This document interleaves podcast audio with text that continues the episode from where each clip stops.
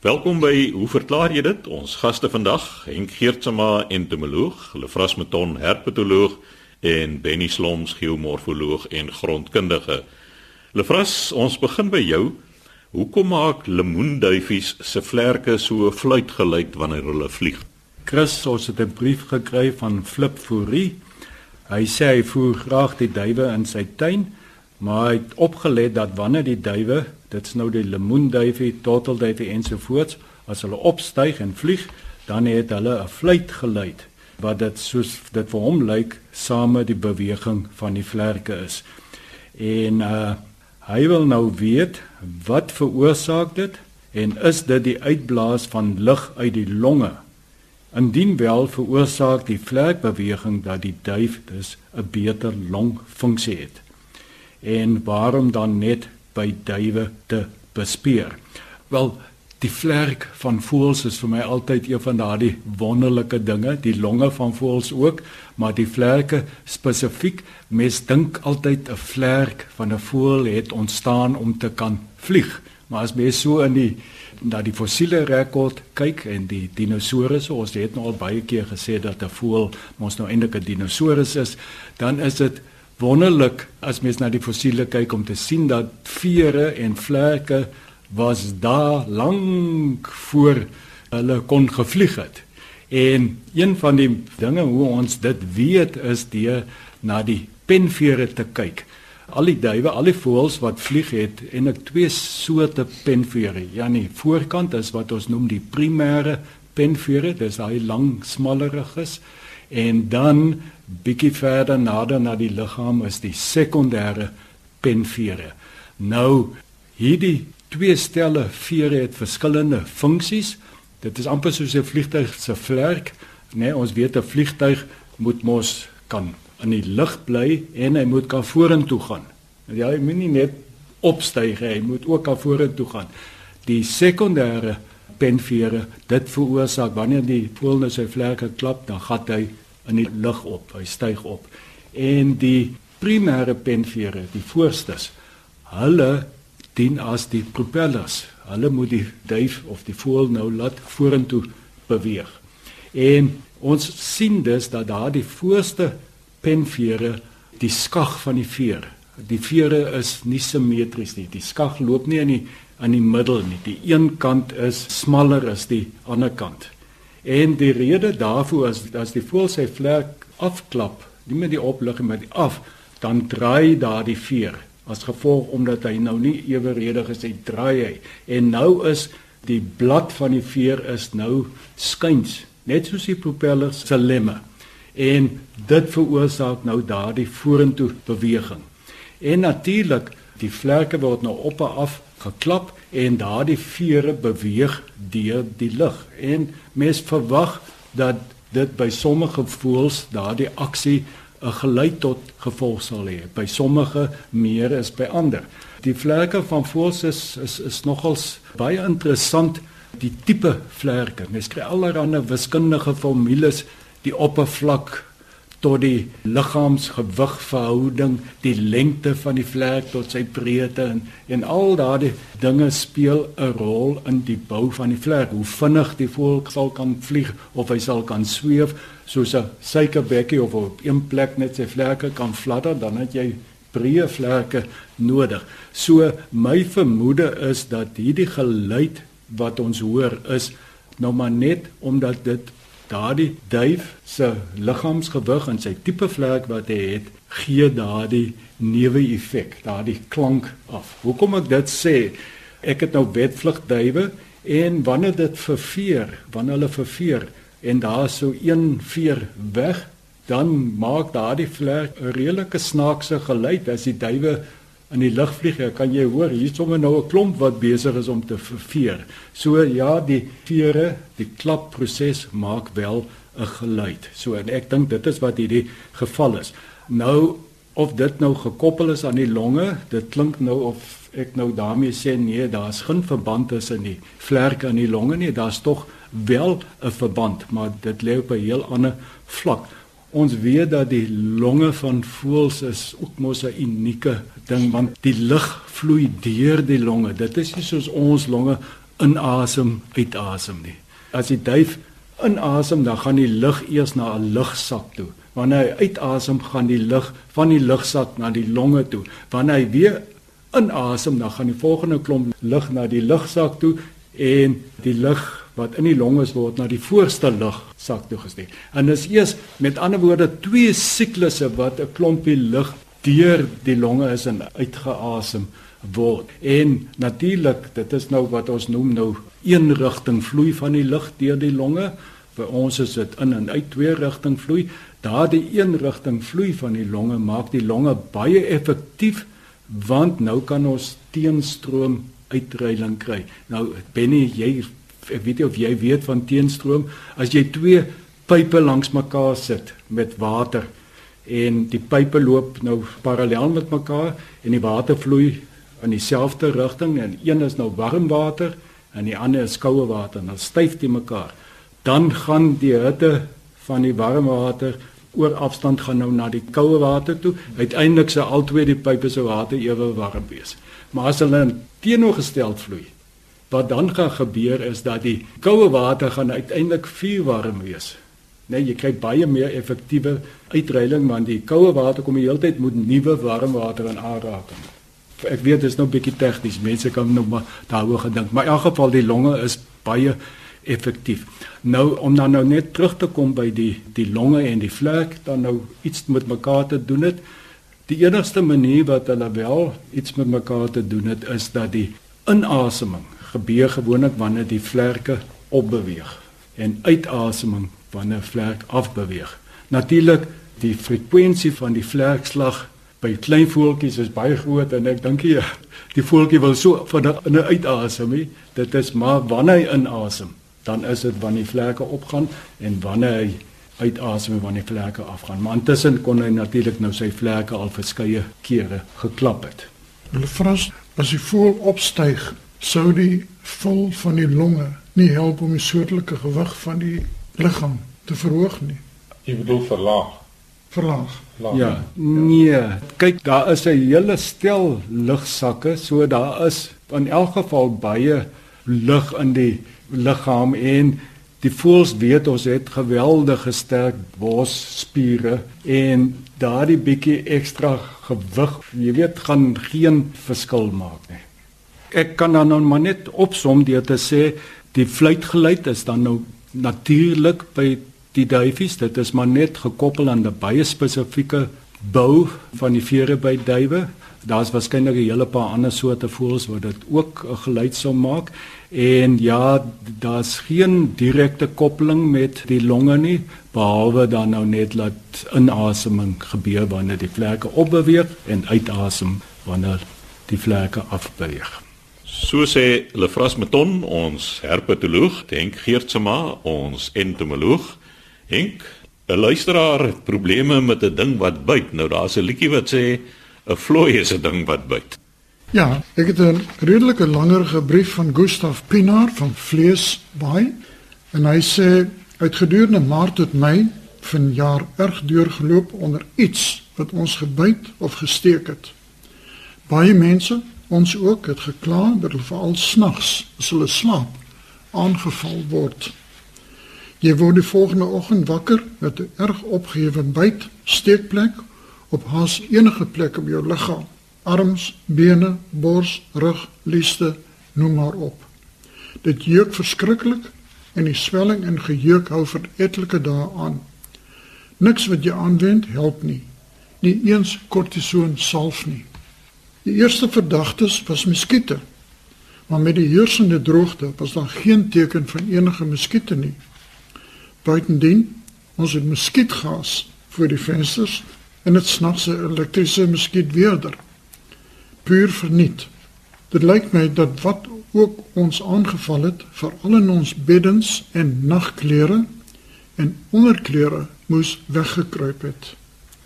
Ons is so straks meeste mense sindelik bad en was ons klere en linne gereeld. Ons het selfs weekliks ons matrasse gestofsuig.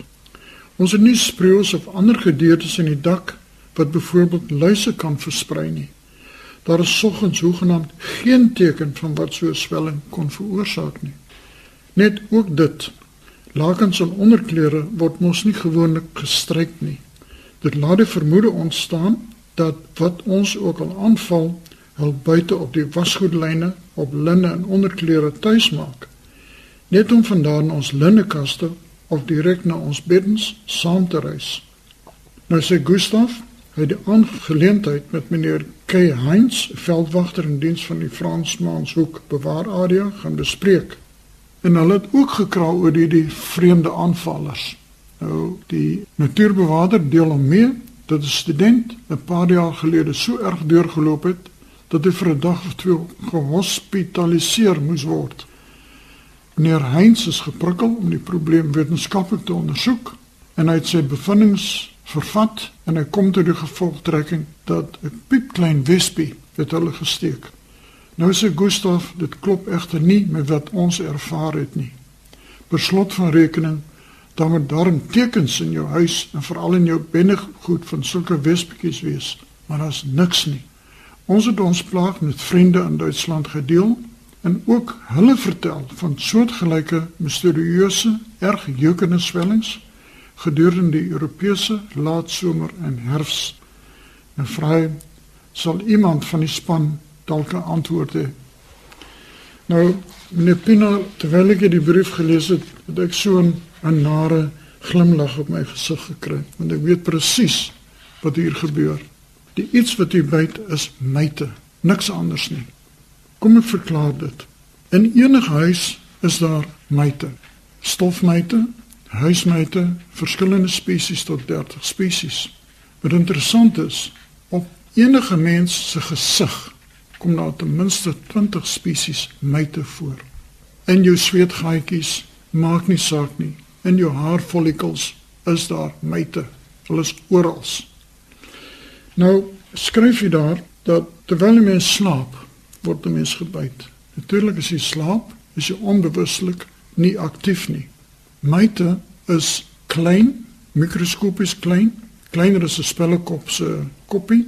So mense sien hom nie maklik nie. Maar mense kan hulle voel en as jy byvoorbeeld vir 'n lang ruk nie blootgestel is aan myte nie en dan loop op jou vel, dan veroorsaak dit 'n allergiese reaksie. Baie mense raak hiperallergies wanneer hulle die myte begin byt, want hierdie myte soek voedsel. Nou normaalweg op jou vel en so aan, voed hulle op afvalstowwe van die vel, olies, vette, ou velskibbetjies en so aan. Dis daar. Maar nou sê dat wat my aangeval het veral in ons beddens en nagklere en onderklere. Nou sê ons is baie sindelik, geen probleem nie. Hy sê die matrasse word gestofsuig, geen probleem nie. En dan die lakens en onderklere word mos nie gewoonlik gestryk nie en dit is presies waar die probleem lê. In die somer is dit te warm vir die myte om vrylik rond te beweeg. Jou winters slaapklere en winterlakens word in die linnekas gebeere. Dis 'n rustige, stil omgewing. Binne in die linnekas is daar 'n hoë vlak van humiditeit en die temperatuur is redelik gelykmatig. Nou, met die koms van die winter, word die klere uit die kas uitgehaal. Die myte begin nou rond beweeg. En dit is nie hulle bedoeling om jou te byt nie, maar hulle kom op jou vel te lande en dan veroorsaak hulle die reaksie en natuurlik die ontsettende gejeuk. Nou in die begin van die winter in Mei maand kry ek ten minste 3-4 oproepe per dag van mense wat kla oor hierdie jeukery. Ek het baie keer al van die mense gesê, gebruik 'n stukkie breë kleefband en probeer dit plak op stukke van jou vel waar die jeukie ergste is en dan stuur jy dit vir my. Dan doen die mense dit en wat vind 'n mens vasgekleef aan daai band? Die myte wat jy natuurlik mikroskopies kan sien. So dit is eintlik 'n verskynsel wat ons het veral in die Weskaap dat met die koms van die winter, met die koms van die klere wat uit die kas uitgehaal word, met 'n verhoogde humiditeit, met reën wat kom, beweeg hierdie myte meer vrylik rond in die huis en dit tas so aan. So die wespies kan ek nie glo dat dit waar is nie. Ek stem saam met meneer Pinaar, dit is nie wespies nie. As ek luister na die simptome, wat u hier beskryf, is dit vir my net baie duidelik. Dis niks anders nie as myte nie. En nou sit Chris Swanepoel vir my en lag hierso. Maar ek is 'n keer uitgeroep ook na die Weskus waar soortgelyke mytprobleme ontstaan het. Hierdie persoon het 'n pragtige huis op die seefront met 'n rietdak en sy slaapkamer was op die boonste vloer onder daai rietdak. Ek het gaan kyk, gaan konsulteer soos hulle dit noem met my plakstroke en ek het vir die man sommer met die blote oog gewys hoe hierdie myte eintlik wemel in sy bed. Kom dit nie agter nie. Maar die ding is die myte is so klein en natuurlik as deurskynend. Hulle het nie 'n kleur eintlik nie. So hulle word nie eintlik opgemerk nie behalwe as jy voel hulle irriteer jou iewers op jou vel en hulle het nie 'n besondere keuse van waar hulle voorkom nie. Hulle sal op enige plek op jou liggaam voorkom. Hulle soek eintlik kos. Nou gelukkig is daar 'n paar myte wat predatories is. Met ander woorde myte wat die ander myte soek. Maar ook daardie myte sal jou vel irriteer. Dis net 'n reaksie van jou vel op 'n vreemde organisme wat wanneer dit byt mag dit dalk vreemde stowwe op jou vel loslaat en dis waarvan die jeukery kom. Wat die mens daarteen doen, daar's 'n baie effektiewe kommersiële middel. Ek het die Engelse naam voor my, maar ek mag dit nou nie noem nie. Maar as 'n mens by die apteek gaan en jy vra vir myt vry en jy vertaal dit na Engels, dan sal jy die regte medisyn daarvoor kry. Dit word aangespuit. Dit kom gewoonlik in 'n aerosol kannetjie en net voor jy gaan slaap, spuit jy jou beddegoed veral en jy kan jou nagklere ook daarmee spuit. En dit gaan die simptome verlig en later dan gaan dit verdwyn. Maar stryk asseblief jou onderklere en jou lakens. Henk, sal beroking nie werk nie. Ek weet dis 'n drastiese manier om van ontslae te raak, maar dit moet baie effektief te wees, beroking. Ja, die berokingsmiddels wat kommersieel beskikbaar is, is vir insekte bedoel. Die berokingsmiddels se formulasie is so dat dit nie spinnekoppe en myte en skorpioene sal doodmaak nie.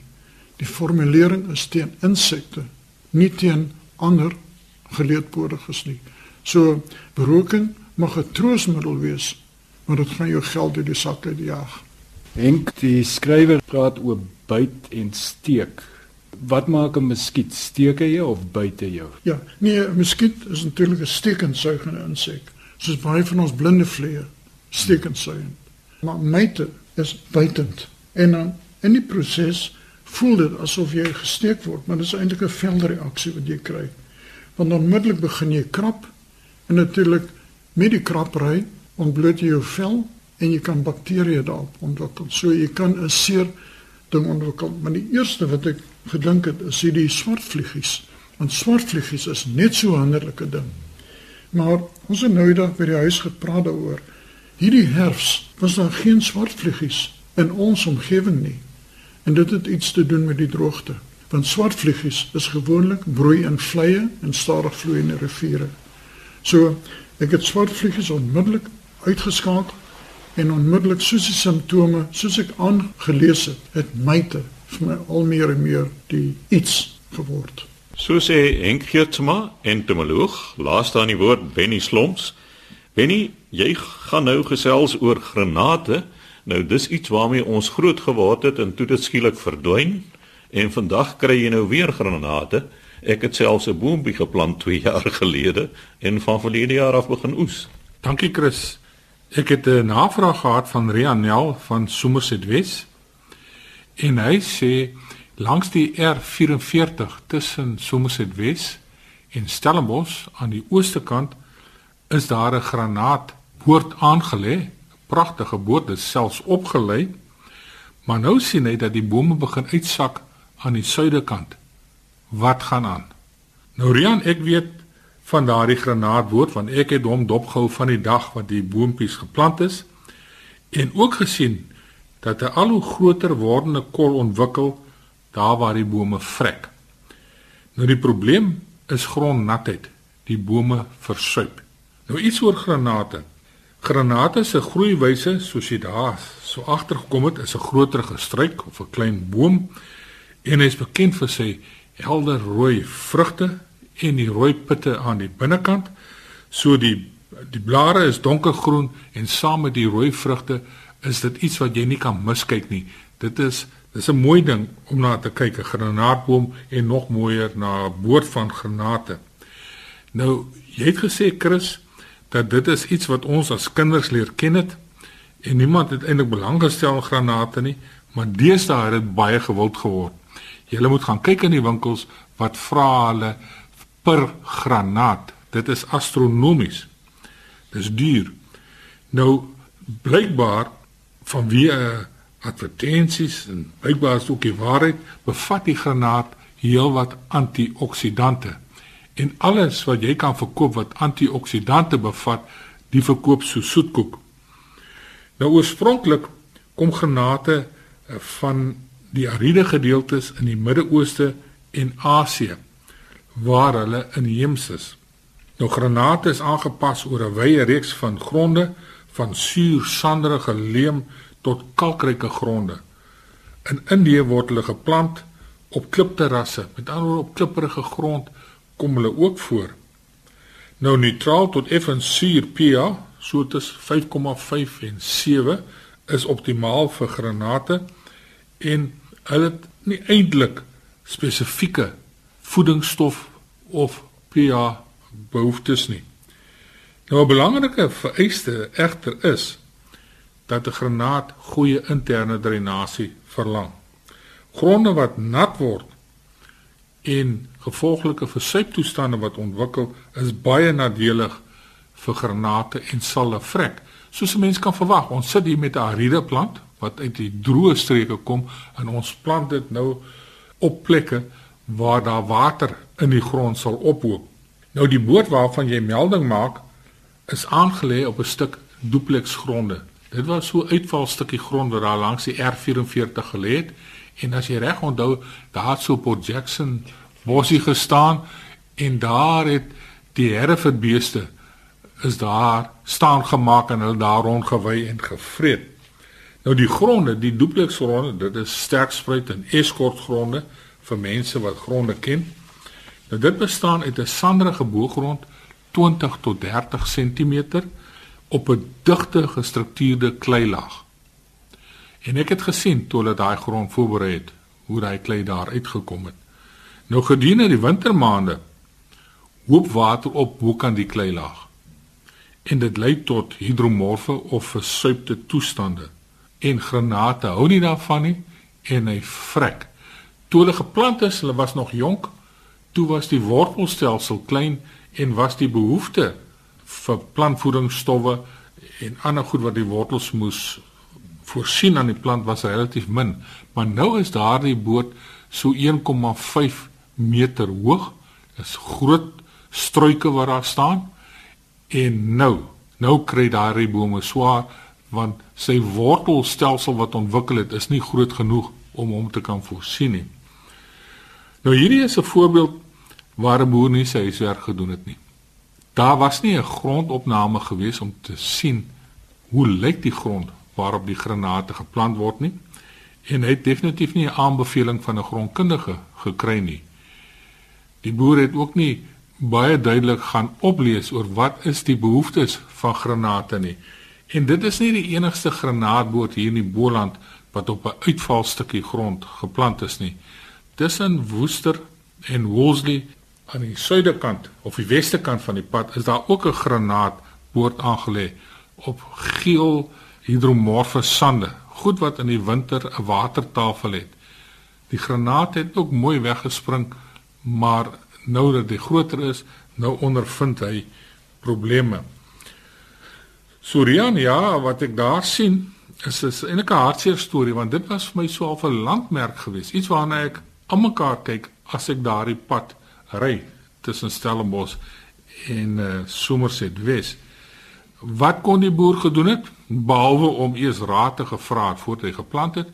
Hy kon miskien die boot opgeërd het met almal die bietjie boogrond wat daar was bymekaar geskraap het waarop die bome geplant word, die ryrigting helling afgemaak het sodat die oppervlakwater kan uitloop.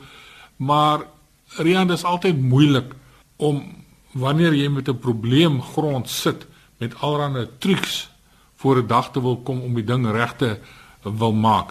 Die beste raad is natuurlik plan daardie granate van dag 1 af op 'n grond wat jy weet hulle sukses sal wees.